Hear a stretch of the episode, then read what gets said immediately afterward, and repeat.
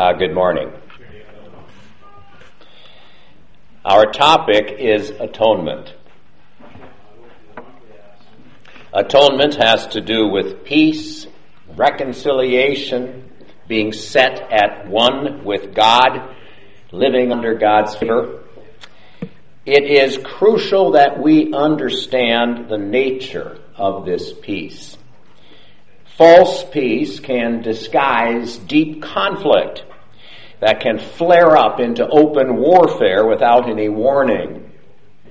On the other hand, genuine peace established by God and maintained by God, is as certain and sure as are God's promises. The ministry of the Word and sacraments is a divine institution. Jesus sent out the first pastors of his church. The Bible calls them bishops, presbyters, ministers, pastors, ambassadors, preachers, teachers, even angels. All of these titles need not confuse us. It's not as if each title signifies a different form of office. The office is what Jesus formed it to be when he sent out the first ministers. In St. Matthew's Gospel, he told them to teach all nations, baptizing them in the name of the Father, and of the Son, and of the Holy Spirit, teaching them to observe all things he had commanded them. In St. Mark's Gospel, he told them to preach the gospel and to baptize. In St. Luke's Gospel, he told them to preach repentance and the forgiveness of sins to the whole world. In St. John's Gospel, he told them to forgive and to retain sins.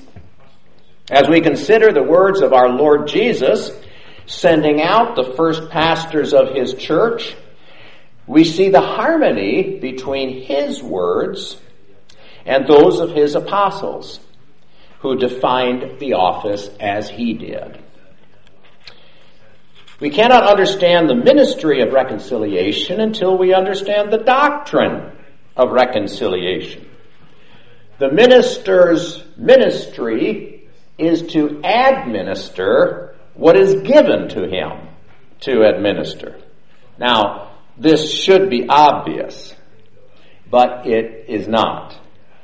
In both Protestantism and Roman Catholicism, the power of the Word of God must be supplemented with a special power of the priest or the minister. Protestants speak of being anointed. They cannot comfort themselves with the inherent efficacy of God's Word, so they pray for, claim, and point to signs that allegedly prove a special anointing of the Holy Spirit upon the preacher that will ensure the success of his preaching.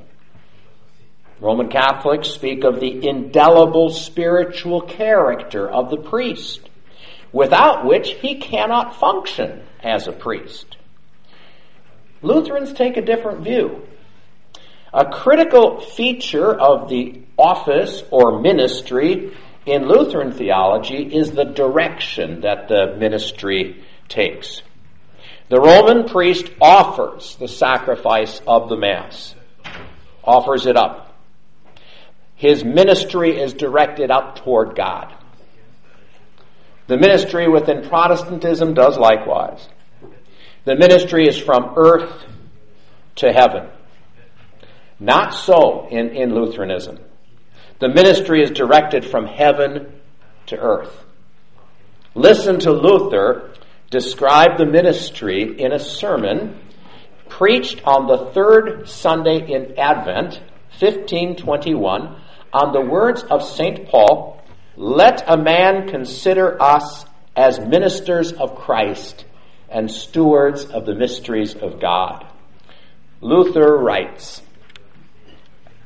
this office is a service or ministry proceeding from Christ to us and not from us to Christ. Note this carefully, it is important. The meaning of the verse then is let every individual take heed not to institute another leader, to set up another Lord, to constitute another Christ, rather be unanimously loyal to the one and only Christ. For we apostles are not your lords, nor your masters. We are not your leaders. We do not preach our own interests, nor teach our own doctrine. We do not seek to have you obey us, or give us allegiance, and accept our doctrine. No, indeed. We are messengers and ministers of Him who is your Master, your Lord, and leader. We preach His word, and enlist men to follow His commandments, and lead only into obedience. And in this light you should regard us, expecting of us nothing else than to bring the message. Though we are other persons than Christ, yet you do not receive through us another doctrine than His, another word, another government, nor another authority than His. He who so receives and regards us holds the right attitude toward us and receives not us, but Christ, whom alone we preach. But he who does not so regard us, does us injustice, discards Christ, the one true leader, sets up another in his stead, and makes gods of us. On the one hand, Luther has a very high view of the ministry claiming that the ministers speak with the voice of Christ himself. On the other hand, he has a very sober view of the ministers. What makes the ministry precious is not the sanctity, strength, devotion, or success of the ministers. It is the gospel itself. Apart from the gospel, there is no ministry. The ministry does not consist in the minister choosing what he will serve. It is not his choice to make. The waiter at the restaurant serves the food that is prepared for him to serve. That's his job. Neither the preachers nor the hearers decide what is to be preached and heard. Faith doesn't activate the gospel, it receives it. The minister doesn't provide the catalyst to get the gospel to do its work. He preaches it and administers the sacraments that belong to it. Thus, to understand the ministry of reconciliation, we don't first establish a generic doctrine of the ministry and then proceed onto a ministry specializing in reconciliation. No, to understand the ministry of reconciliation, we must first learn the doctrine of reconciliation. Only then can we understand the ministry of reconciliation. For until atonement is made, there can be no ministry in the evangelical sense of the word. Consider the structure of the Augsburg Confession. In Article 4, we confess what the gospel of justification is. Then in Article 5, we confess what the ministry of reconciliation is. This follows the pattern of St. Paul in 2 Corinthians 5. In verse 18, Paul writes, Now all things are of God, who has reconciled us to himself through Jesus Christ. He has reconciled us to himself. It is done. He goes on in the same verse and has given us the ministry of reconciliation. First, there is reconciliation, then there is the ministry of reconciliation. In the next verse, Paul begins. That is, that God was in Christ reconciling the world to himself, not imputing their trespasses to them. He refers back to what God in Christ did. He reconciled the world to himself. It is done.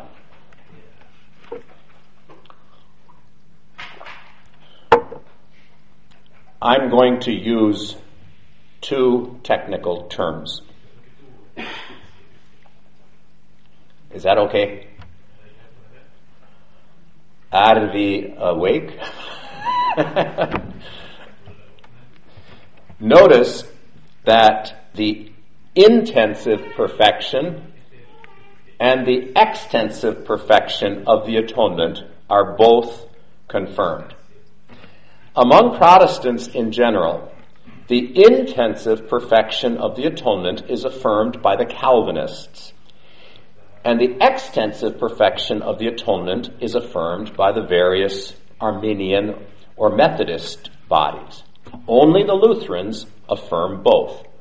The intensive perfection of the atonement means that the atonement effects forgiveness. Nothing needs to be added to the atonement for forgiveness to be a reality.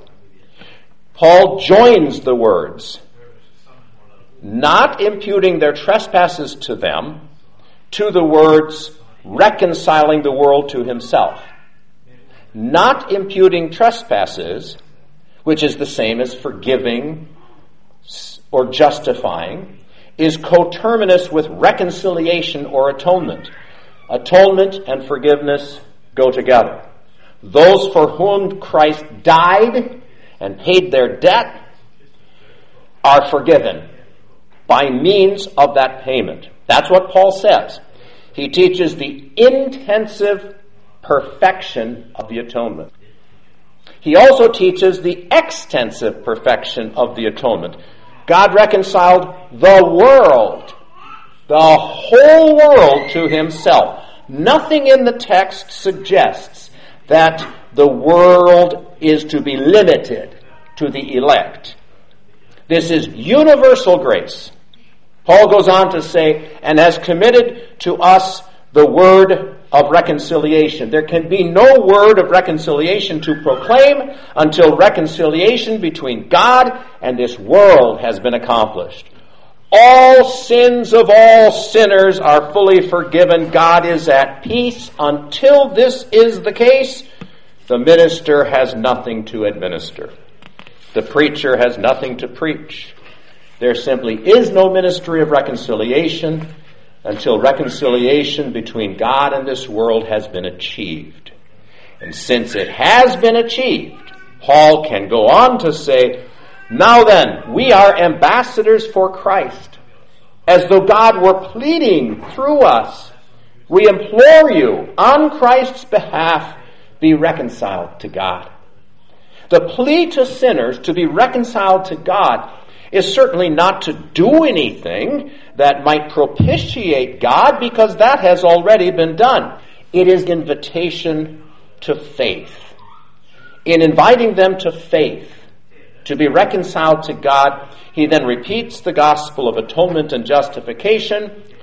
For he made him who knew no sin to be sin for us, that we might become the righteousness of God in him the making of Christ to be sin and our becoming the righteousness of God in Christ are bound to each other. The latter being the logical consequence of the former. The coin has two sides. We call it the double imputation, or to use Luther's expression, the happy exchange. The imputing of sin to Christ and the imputing of Christ's righteousness to the sinner belong together. Atonement requires both. The personal reconciliation of sinners to God in the here and now is bound to what Christ accomplished for us in his vicarious atonement and death. This is the pattern of thought of the Augsburg Confession. Article 4 reads, our churches also teach that men cannot be justified before God by their own strength, merits, or works, are freely justified for Christ's sake through faith, when they believe that they are received into favor and that their sins are forgiven on account of Christ, who by his death made satisfaction for our sins, this faith God imputes for righteousness in his sight. When the text says, who by his death made satisfaction for our sins, and we look back to the previous article to understand what this vicarious satisfaction accomplished, we see that he became a sacrifice, quote, not only for original sin, but also for all other sins, and to propitiate God's wrath. End quote. We distinguish between the various soteriological terms atonement, redemption, propitiation, and justification.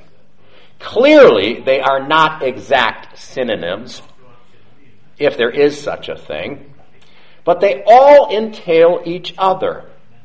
Our theology cannot become calcified into unnecessarily rigid categories uh, if we forget this. If Christ is the propitiation for your sins, you are redeemed, you are reconciled to God, and you are justified. The vicarious obedience and suffering of Jesus accomplishes this. This is why St. Paul summarizes and identifies Christian preaching with preaching Christ crucified. In speaking of Christ's cross, he's speaking of everything that Jesus accomplishes for us by his vicarious suffering and death. This is the gospel the preacher is to preach. And this gospel has inherent power. The power of the gospel is the righteousness that avails before God. The righteousness that faith receives. The righteousness that brings with it the peace of the Prince of Peace.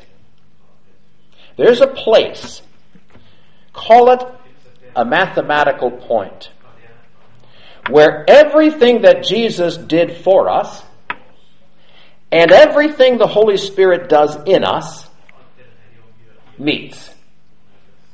It is a point of contact between the second and third articles of the Creed. This mathematical point is faith.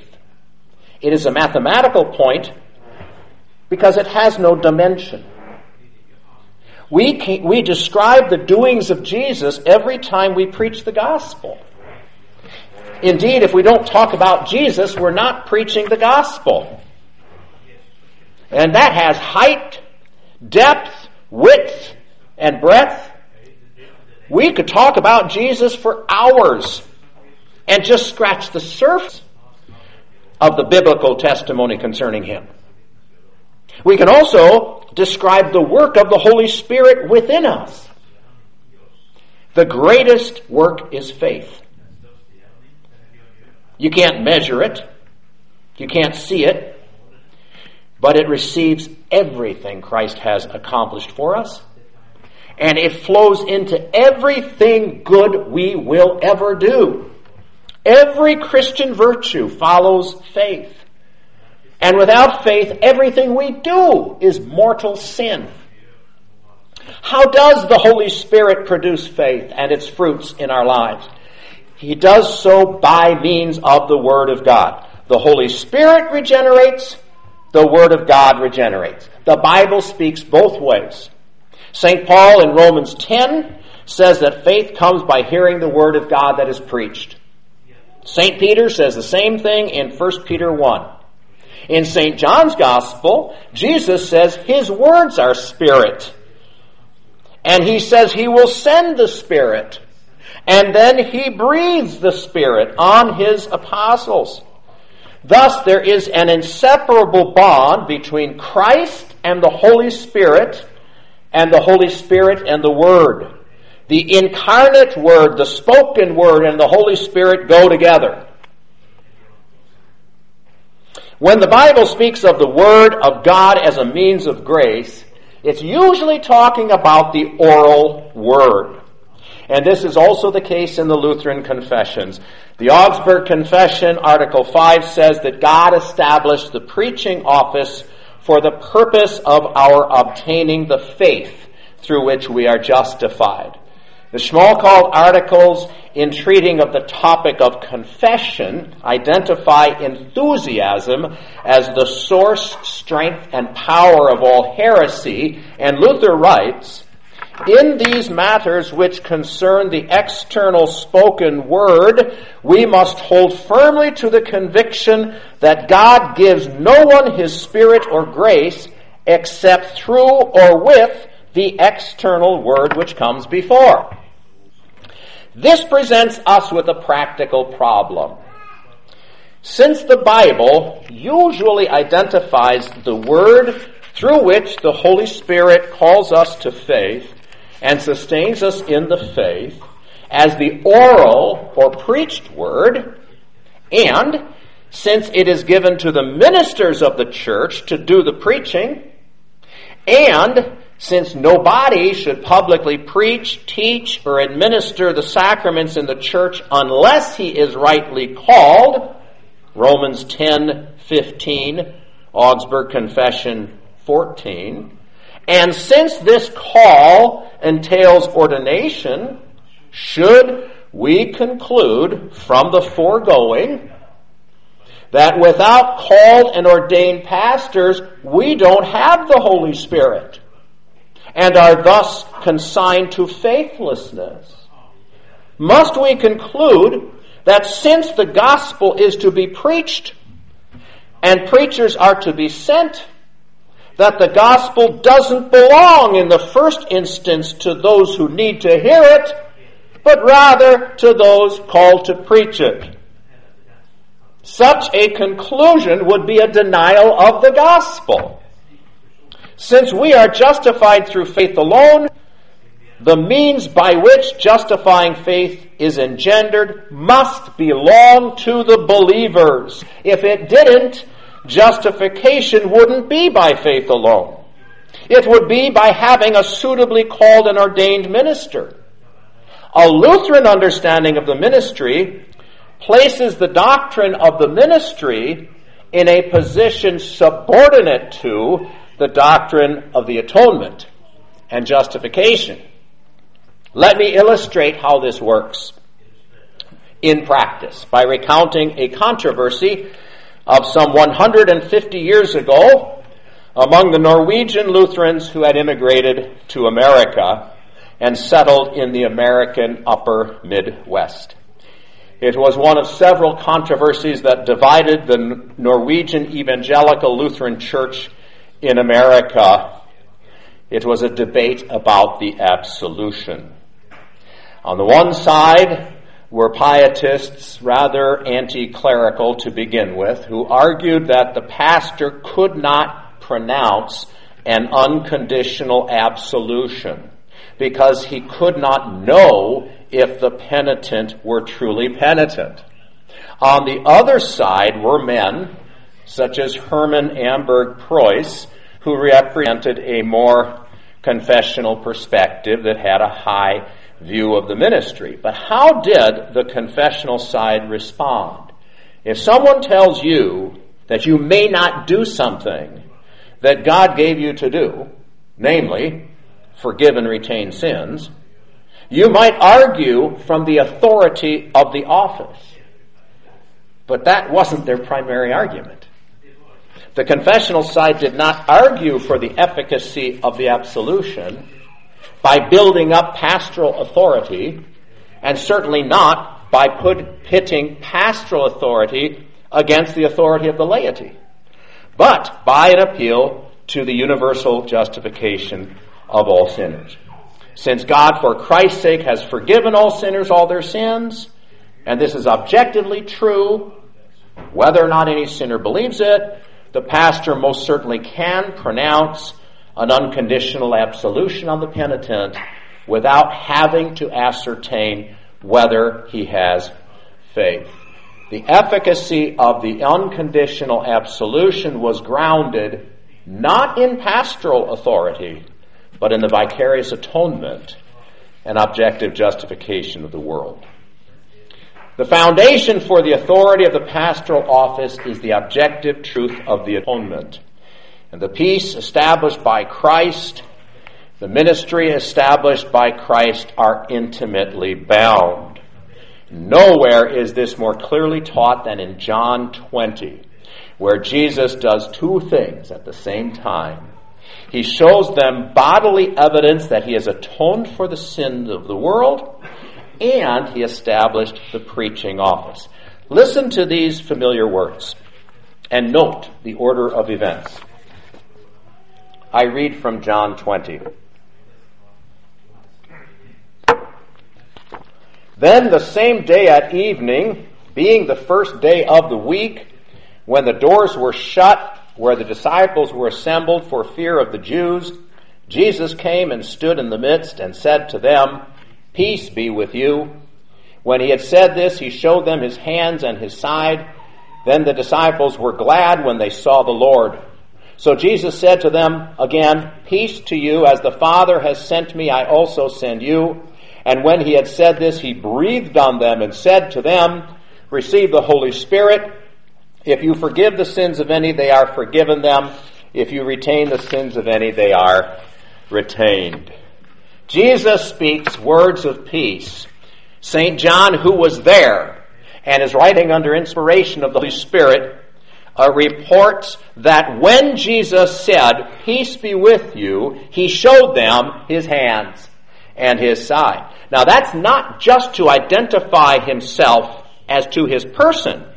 It is specifically a reference to his work. He shows them bodily evidence of the vicarious atonement. He who died has risen, but more than that, he who was crucified is risen. It's not just dying and rising, it's being crucified and rising. For in the crucifixion, as Jesus bears in his body the sin of the world that is imputed to him, and as he suffers divine retribution against the human race, he is taking away all sin and pacifying God's wrath and establishing peace between God and sinners. So he says, Peace to you. He says, Peace to you at the same time that he establishes the preaching office. Pointing to the wounds he sustained in establishing that peace, he identifies himself as the propitiation for our sins and not for ours only, but the sins of the whole world. And it is at this moment that he establishes the pastoral office. We should not think of the pastoral office except as Jesus established it. The establishment of the pastoral office is not for the purpose of granting to the gospel a power that it doesn't have. The blood of Jesus shed on the cross cleanses us from all sin. The power of the word the preacher preaches is in the blood of the Lamb that atones for the sin of the world. When we bind the pastoral office to the vicarious atonement, we're not limiting the gospel proclamation to what the pastor says. Listen to what we confess in the Schmalkald articles about the forms the gospel takes. We shall now return to the gospel, which offers counsel and help against sin in more than one way. For God is surpassingly rich in His grace. First, through the spoken word, by which the forgiveness of sins, the peculiar function of the gospel, is preached to the whole world. Second, through baptism. Third, through the holy sacrament of the altar. Fourth, through the power of the keys. And finally, through the mutual conversation and consolation of brethren, Matthew 18, 20, where two or three are gathered, etc. The pastors are the ones who preach, who administer baptism and the Lord's Supper, and who exercise the authority of the keys. In the Augsburg Confession, Article 14, we confess our churches teach that nobody should preach publicly in the church or administer the sacraments unless he's regularly called. The mutual conversation and consolation of brothers is not limited to called and ordained pastors, however. That Luther's intent is to include the laity among the brothers here mentioned is clear from his citation of Jesus, saying, Where two or three are gathered. Clearly, the gospel spoken by lay men and lay women is as efficacious as the gospel preached by the preacher. The office doesn't empower the gospel. The gospel empowers the office.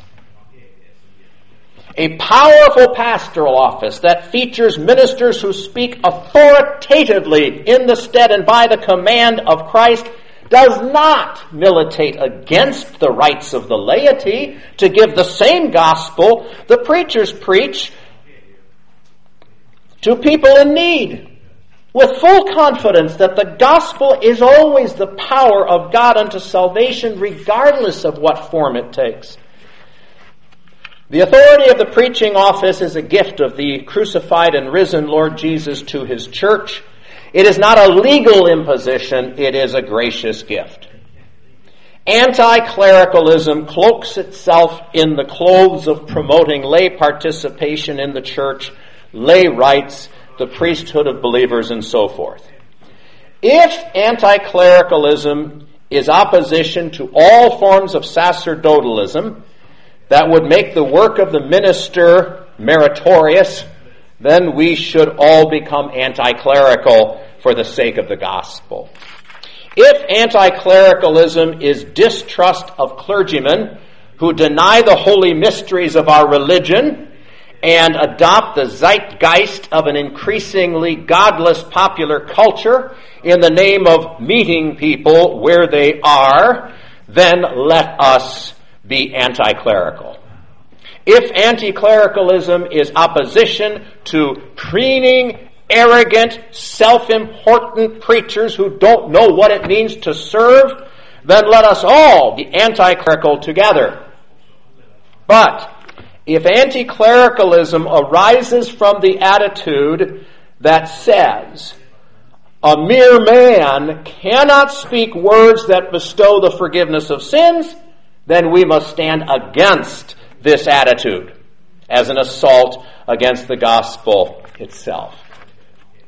The division between Lutherans on the doctrine of the ministry may to a certain extent reflect different concerns. We react against error, and henceforth our position in opposition to a particular error I'm sorry, we, we define our position in opposition to a particular error, not realizing that there are other errors that can creep in when your attention is directed elsewhere. My father would tell a story to illustrate this. He was making a pastoral call out in the country. When he got out of the car, he was met by a loud, barking little dog that was jumping up and down, acting very fierce. And as Dad kept his eyes focused on that little dog in front of him, a great big dog sneaked up behind him bit him in the leg. He didn't see it coming. Well, we seldom do. The 19th century confessional Lutherans in America who formed the Missouri Synod were familiar with and in reaction against the episcopal abuses of Martin Stephan, who led the German immigrants who founded the Missouri Synod from Saxony to Missouri and then was opposed, was deposed for misconduct. C.F.W. Walther, long-term president of the Missouri Synod and its most influential theologian, subsequently became engaged in a debate about the ministry with J. A. A. Grabau, the founder of the Buffalo Synod in Buffalo, New York. And Grabau advocated an episcopal polity. An anti episcopal sentiment drove the Missouri Synod from the outset. To oppose the rule of bishops is very democratic and very American. Now, I am not among those who pine after episcopacy. I'll admit I'm, I'm an American. I don't think we need it. But that's not the point. Here's the point. Men like Wilhelm Löhe and F.A.A. Grabau, who advocated an episcopal form of church polity, appealed to such texts as Matthew 28, Mark 16, and John 20 that featured the post resurrection appearances of Jesus to his disciples as the divine institution of the pastoral office. Now, this would not be remarkable inasmuch as the Lutheran confessions do the same thing. But the Missourians, for polemical reasons, gradually moved away from seeing the divine institution of the pastoral office in these words of Jesus, calling the apostles, preferring to interpret these words as giving the office to the whole church, that is, to the believers. Now, it is perfectly true that the office of reconciliation belongs to the believers. The ministry belongs immediately to the church and through the church immediately to the ministers. This doesn't mean that Jesus did not establish the office when he sent out the apostles to preach the gospel and administer the sacraments. He did. We must distinguish between the divine institution of the office and the divine transmission of the office. Jesus instituted the office when he sent the apostles to do what the office requires. Now, that the apostles were the first ministers of the church doesn't mean that everything pertaining to the apostolic office applies in the same way to the pastoral office. The apostles had immediate calls. Pastors today have mediate calls. The apostles were not confined geographically. Today's pastors usually are. The apostles had the promise of the Lord Jesus that the Holy Spirit would lead them into all truth. John 16, 13. And today's pastors are dependent upon the apostolic writings and not the direct guiding of the Holy Spirit. These differences, however, do not touch on the essence of the office, which is to preach the gospel and administer the sacraments. Why? Why must this be done? This is what we confess in the Augsburg Confession. I'm going to read just a portion of this. In order that we may obtain this faith, the ministry of teaching the gospel and administering the sacraments was instituted, for through the word and the sacraments, as through instruments, the Holy Spirit has given and the Holy Spirit produces faith where and when it pleases God in those who hear the gospel. The divine institution of the ministry of the word is inconceivable and incomprehensible apart from the prior reconciliation achieved by Jesus. That Jesus, whose obedience and suffering was offered vicariously to God for the whole human race, is the Jesus who established an office, the sole duty of which is to preach the gospel and administer the sacraments so that those who hear it may be led to faith where and when it pleases God. The minister may not veer from this course. That is, he must preach the gospel no matter what. St. Paul was speaking for all pastors when he wrote, For if I preach the gospel, I have nothing to boast of, for necessity is laid upon me. Yes, woe is me if I do not preach the gospel. 1 Corinthians 9:16. Why? Because God instituted the ministry of teaching the gospel and administering the sacraments in order that we may obtain this faith. What faith? The faith that believes we are received into favor and our sins are forgiven on account of Christ who has made satisfaction for our sins. Thus, as we have seen, it is impossible to conceive of the ministry of reconciliation before we know the doctrine of reconciliation. And this is why we need to define the office of preaching according to its whole and not presume to chop it into little pieces to be parceled out according to ecclesiastical whim. Jesus formed the office to be an office of preaching, forgiving and retaining sins, and administering the sacraments. Not every minister will always be engaged in all of these tasks. But the office is what the office is, and the reconciliation of sinners to God is why the office was established. Baptism gives us our identity as Christians, makes us members of the body of Christ. The Lord's Supper is Christ's body and blood, and we, partaking of it, are one loaf and one body. The preaching of the gospel committed to Christ's ministers is for the sake of the church the minister is not a lone ranger out on his own. He's always attached to the church, always serves the interests of the church.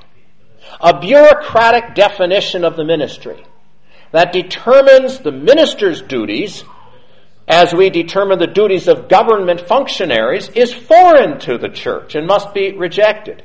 There are legal features to the office. But it is not formed by the law, but by the gospel. Put simply, it is a matter of law that nobody may preach unless he has a call from God through the church to do so.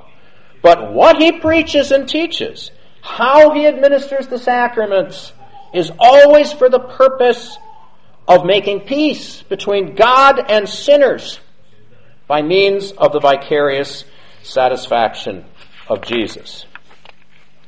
This is especially vital for us to keep in mind when we consider how rapidly Western civilization is falling into ruin. Recently, the Supreme Court of the United States presumed to redefine marriage so as to accommodate the sexual relationships of same sex couples who want to pretend that they too are married. Should the church address this? By all means, we must speak God's word where God's word applies, and when the state attacks divine institutions and cheapens the lives of children, the church must speak God's word to the situation. It is perfectly clear that the political culture in Western Europe, the United States, Canada, and elsewhere has descended far below where it has been in many years since before the Christianization of Europe.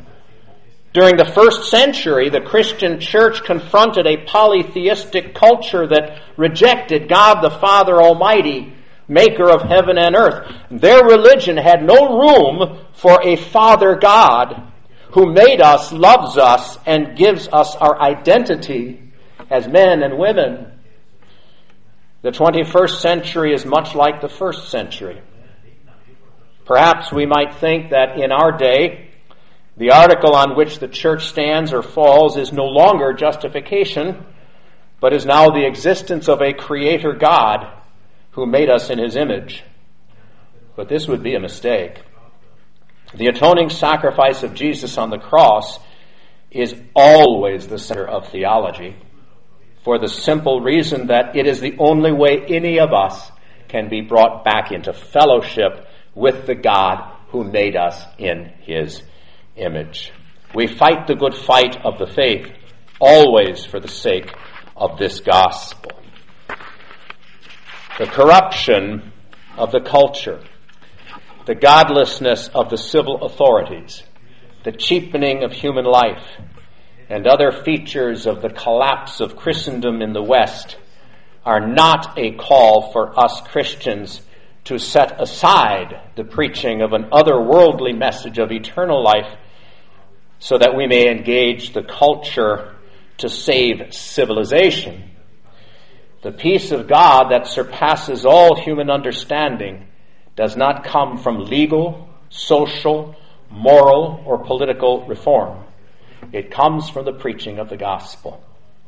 If we love the city in which we live, truly love it, and all who belong to it, we will acknowledge that we have no eternal city here, but seek the one to come. For this is what Jesus testified to Pilate. He told him his kingdom was not of this world. Pilate sneered. Then did Jesus do? He established his kingdom.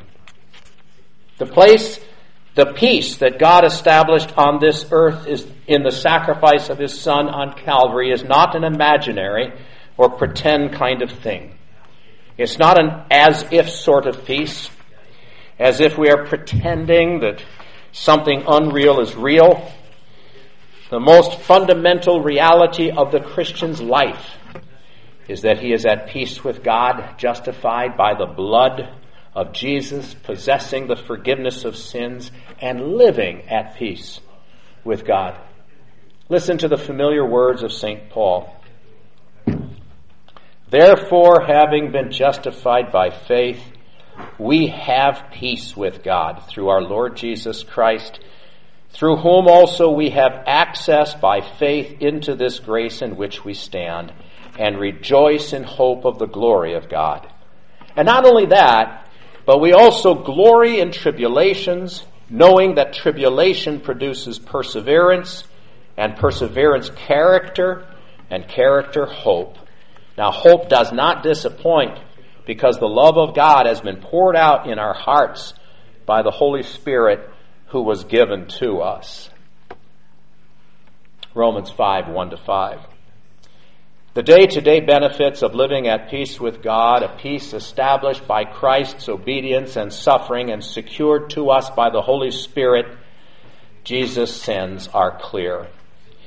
That being at one with God is the greatest good makes the ministry of the word by which God grants this to us a good thing, a precious thing, something devoting, worth devoting one's life to. And when we pastors fall short, we rely on the same grace we preach to our parishioners. We don't define ourselves by the law. We define ourselves by the gospel reckoning ourselves to be righteous before God because God Himself has said so. God cannot lie, err, or deceive us. Therefore, we trust His word that tells us that for the sake of Christ's obedience, suffering, and death, our sins are forgiven. We are at peace with God, and we are heirs of eternal life. This is our great joy and privilege to preach in full confidence that by means of this preaching, sinners will be reconciled to God. Thank for your kind attention. Thank you.